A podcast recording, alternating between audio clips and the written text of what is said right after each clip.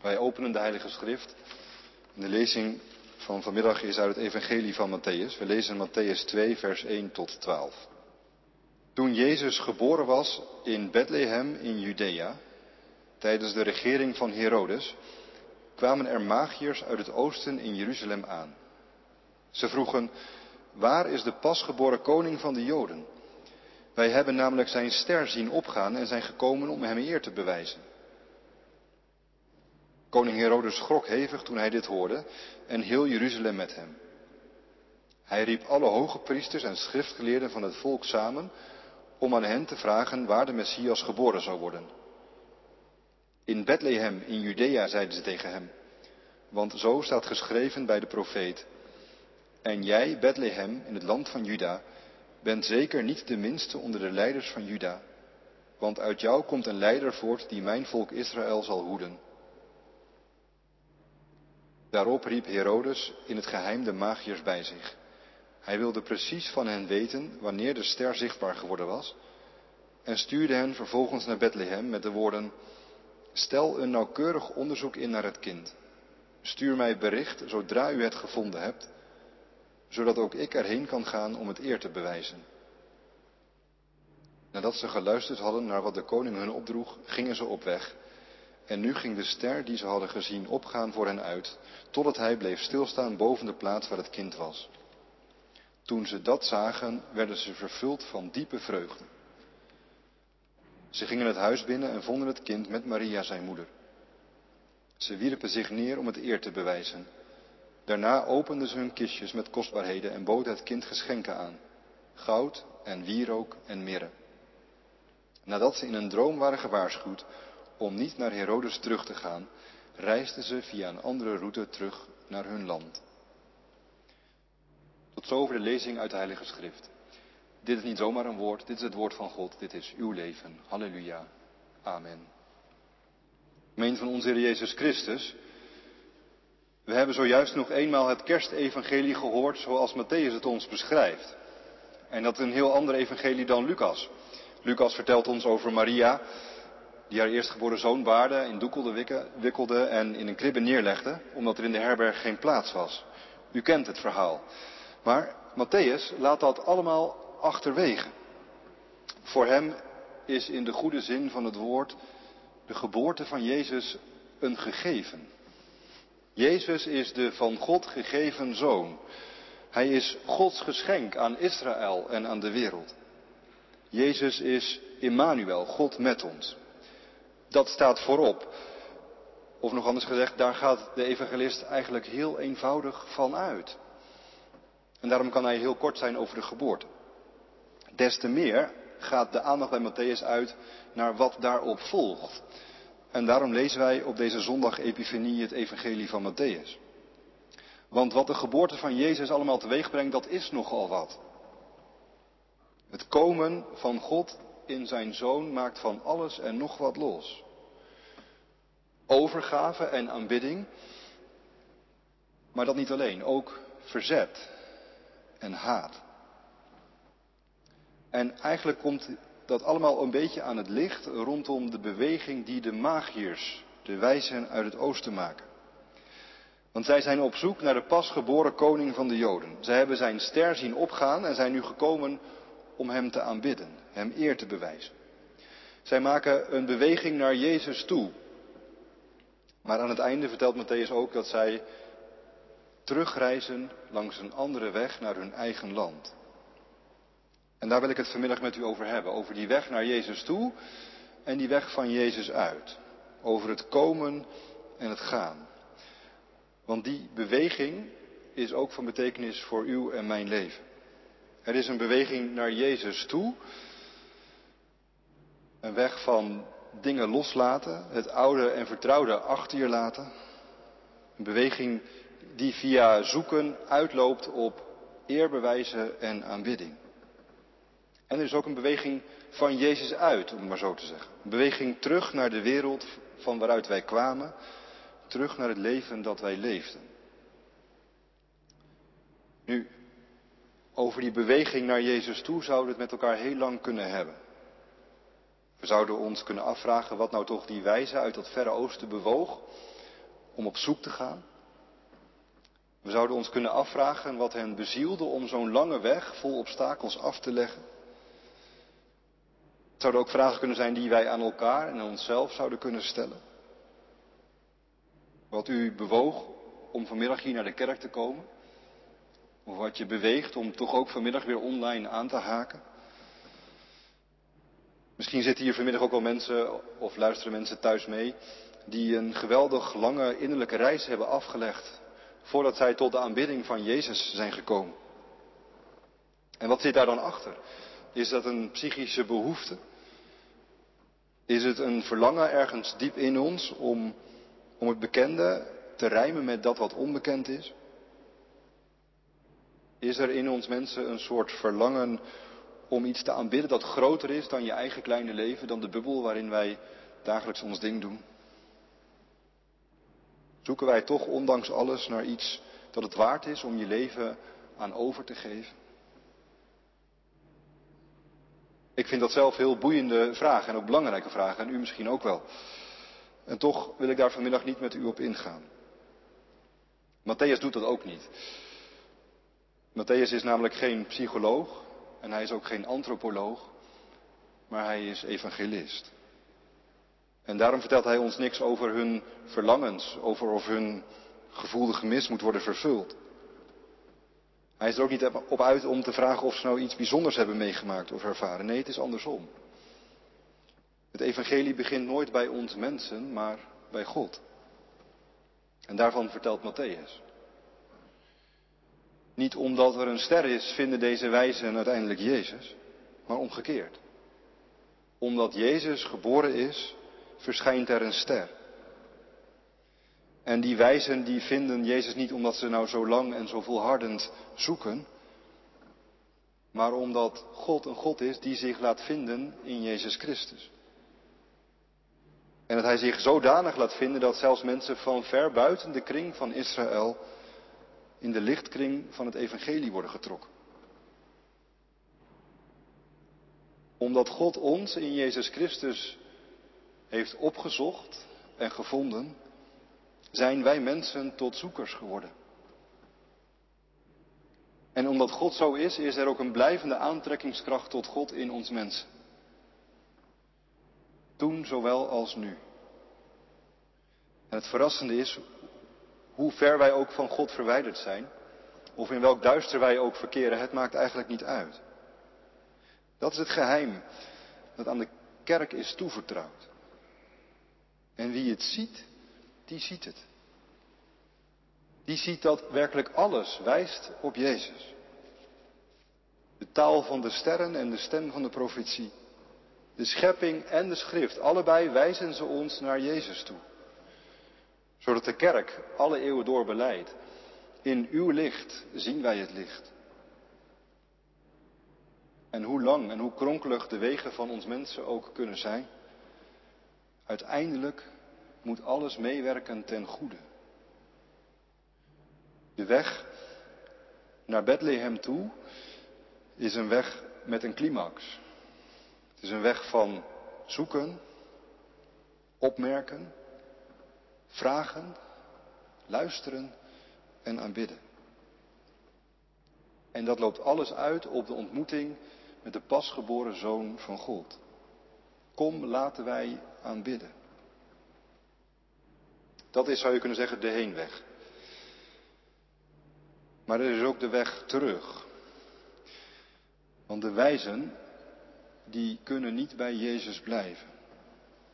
Hoe graag ze misschien ook hadden gewild. Ik merk bij mezelf wel die wens, en misschien u ook wel, dat als je Jezus gevonden hebt, dat je Hem hebt leren kennen, en omdat je Hem hebt leren kennen ook hebt leren liefhebben, en omdat je Hem lief hebt, Hem ook wilt aanbidden, dat je dan ook bij Hem wilt blijven. Dat je wilt blijven in dat moment dat ons geloven iets krijgt van aanschouwen. Maar de magiërs, zij hebben de Zoon van God aanschouwd en toch gaan zij op weg. Ik dacht, misschien hoort dat ook wel bij het evangelie en moeten wij dat leren. dat er een weg is, ook van Jezus uit. En eigenlijk is dat heel eenvoudig, zoals het evangelie altijd eenvoudig is. Maar we zien het niet altijd zo. En daarom is het goed om erop te letten, dacht ik. Dat het gaat, dat er een beweging komt in ons leven, naar Jezus toe en van Jezus uit. Een weg terug dus ook naar de plek waar u en ik vandaan komen. Zo komen wij ook week in, week uit naar de kerk of haken wij toch online aan. Om de lofzang gaande te houden. Om de aanbidding van Jezus, de koning der Joden, voort te zetten. En om van daaruit toch ook weer terug te gaan naar ons gewone leven. Maar het aparte is, en daar wijst Matthäus ons op, het is niet dezelfde weg terug. De terugreis is anders dan de heenreis. Matthäus wijst ons erop, hij, nou, hij zegt, nadat zij, die wijzen, in een droom waren gewaarschuwd om niet naar Herodes terug te gaan, reisden ze via een andere route terug naar hun land. En dat is een zinnetje dat bij mij bleef haken. Want wat voor weg is het dan waar Matthäus het over heeft? Nu, die weg terug die is anders. Bijvoorbeeld omdat er geen ster meer schijnt. Er is geen licht meer dat hen begeleidt, geen bijzonder verschijnsel. Maar je zou kunnen zeggen dat hoeft ook niet meer. Want ze hebben het licht des levens aanschouwd. God uit God, licht uit licht. En in zijn licht leven zij voortaan. Daar zijn geen bijzondere verschijnselen meer voor nodig. Wie eenmaal Jezus Christus heeft gezien en aanbeden en liefgekregen, die hem heeft gevonden, die hoeft voortaan niet meer te koersen op bijzondere ervaringen of buitengewone verschijnselen. Die weet dat Jezus, het woord van de levende God, een licht is voor onze voet en een lamp op ons pad. Die weg terug is ook anders dan de heenweg, omdat de wijzen een droom krijgen. Van Gods wegen worden zij gewaarschuwd om niet terug te gaan naar koning Herodes. Hun wordt geopenbaard dat het geschenk van God aan Israël en aan de volkeren niet door iedereen wordt gewaardeerd. Ze krijgen te zien dat de geboorte van Jezus Christus niet alleen aanbidding en vreugde losmaakt, maar ook vijandschap en haat oproept. Hun ogen worden geopend voor de vijandige wereld waarin en waarvoor Jezus Christus gekomen is. En daar moeten ze eenvoudig in hun levenswandel rekening mee houden. Er is geen weg terug in de naïviteit. Er is geen weg terug in de onwetendheid. Dat hoort ook bij het evangelie van deze zondag. Dat hoort ook bij de weg terug. Dat onze ogen worden geopend voor het feit dat de wereld waar u en ik in leven, dat er niet alleen een beweging is naar Jezus toe, maar dat er ook een tendens is tegen Jezus in. En die beweging, die anti-beweging, wordt belichaamd door Herodes. Zijn toezegging om ook achter de wijze aan te gaan om Jezus te aanbidden is omgeslagen in het tegendeel. Herodes maakt een anti-beweging. Hij ontpopt zich als een antichrist. Achter zijn eerder getoonde vriendelijkheid en goedheid gaat haat schuil. Bittere haat. En daar moeten wij dus ook mee leren rekenen. Dat dat ook een realiteit is. Die haat, die woede, dat verzet, die kan de geboorte van de Zoon van God niet meer ongedaan maken. Dat is het goede nieuws. De woede komt eigenlijk altijd te laat. Maar, en dat is wat wij moeten weten, de woede kan zich wel heftig verzetten tegen het goede nieuws. En Herodes doet dat ook tot het uiterste. Dat is de wereld waarin de wijzen terug moeten. En wij ook. Met kerst hebben wij gezongen van vrede op aarde. Maar ondertussen is de wereld niet erg veranderd sinds kerst. Sterker nog, misschien moeten wij wel ermee rekenen dat in die wereld, dat er achter de voorkomende gezelligheid van een sfeer van kerst heel veel leegte schuilgaat en verkilling en misschien ook wel ten diepste vervreemding en haat. Nu, de wijzen moeten terug in een gode vijandige wereld. Maar zij mogen niet meer aan die vijandschap meewerken. Ze mogen het ook niet zomaar passief laten gebeuren. Nee, Matthäus gebruikt een actief woord. De wijzen moeten uitwijken. Dat is het woord wat Matthäus gebruikt. De wijzen moeten uitwijken. Dat is iets anders dan maar met een bochtje eromheen gaan en het van een afstandje laten gebeuren. En uitwijken is iets actiefs. Het is een keuze. Zoals ook Jozef en Maria straks met het kind moeten uitwijken naar Egypte. Weg bij Herodes, die in reine razernij de onschuldige kinderen van Bethlehem zal vermoorden. En dat maakt van Jezus een vluchteling. Iemand die al sinds zijn geboorte geen plaats heeft om zijn hoofd neer te leggen. En later, als Johannes de Doper door Herodes wordt onthoofd, dan lezen wij in het Evangelie van Matthäus dat Jezus opnieuw moet uitwijken. En als vanuit Israël het verzet tegen het evangelie van het koninkrijk dat Jezus verkondigt toeneemt, dan lezen wij opnieuw dat Jezus uitwijkt. Dan wijkt hij uit naar buiten Israël. Dan gaat hij met het evangelie van het koninkrijk der hemelen de grens over, om het zo te zeggen. Naar het gebied van Tyrus en Sidon. Naar de volkeren dus.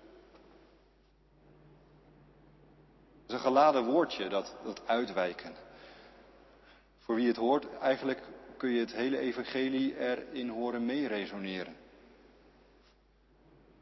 Als de wijzen uitwijken, dan ervaren zij in het klein al iets van die weg die Jezus straks zal moeten gaan. Zij zien, zij ervaren, zij ondervinden iets van de druk, van de vernedering, van het lijden dat ook hun Heer en Heiland zal moeten ervaren. En u en ik zullen dat op onze manier in onze eigen levens ook ervaren. Als wij geroepen worden en uitgenodigd om in het spoor van Jezus te gaan.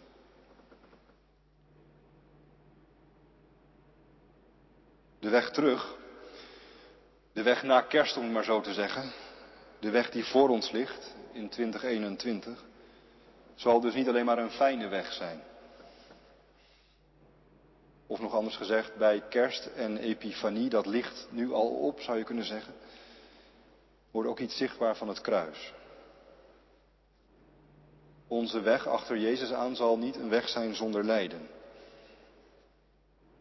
Maar, en dat is het evangelie, het is ook niet zonder hoop. Want uitgerekend langs deze weg komt aan het licht dat Jezus niet alleen gekomen is voor zijn eigen volk, voor Israël, maar ook voor alle volkeren. Juist in die weg van uitwijken, tot op het kruis uiteindelijk, wordt zichtbaar dat Jezus gekomen is om, zoals Paulus het zegt, heel deze wereld te verzoenen. En dat maakt Matthäus in één enkel woord aan het begin van zijn evangelie al duidelijk. In het uitwijken van de wijzen uit het oosten. Het evangelie is begonnen in Israël, maar het is er voor heel deze wereld. Dat is de hoop die wij meekrijgen op onze weg een nieuw jaar in. Ten slotte, de wijzen gaan niet langs dezelfde weg terug, maar ze gaan ook niet als dezelfde mensen terug. Eigenlijk is alles, heel hun leven, anders geworden in ontmoeting met Jezus Christus. Op de heenweg waren zij zoekers en hadden ze een doel voor ogen.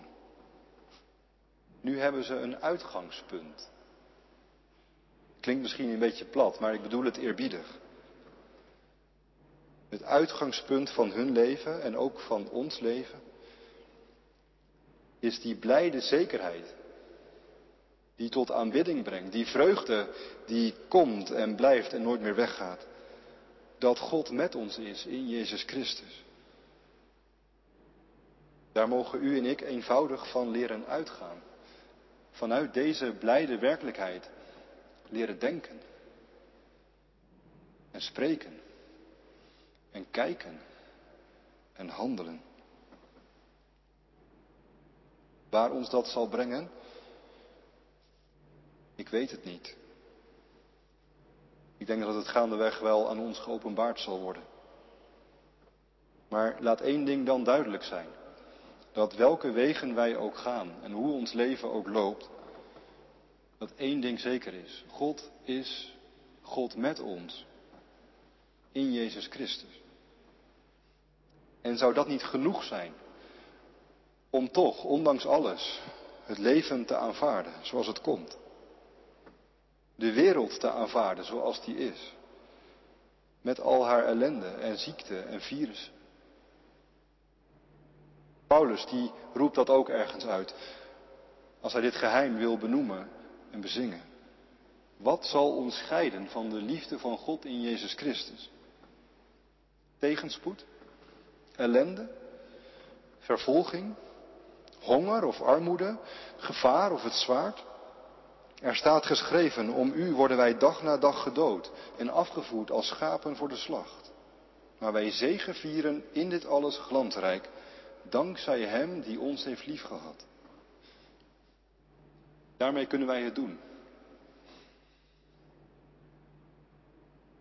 De terugweg mogen wij aanvaarden.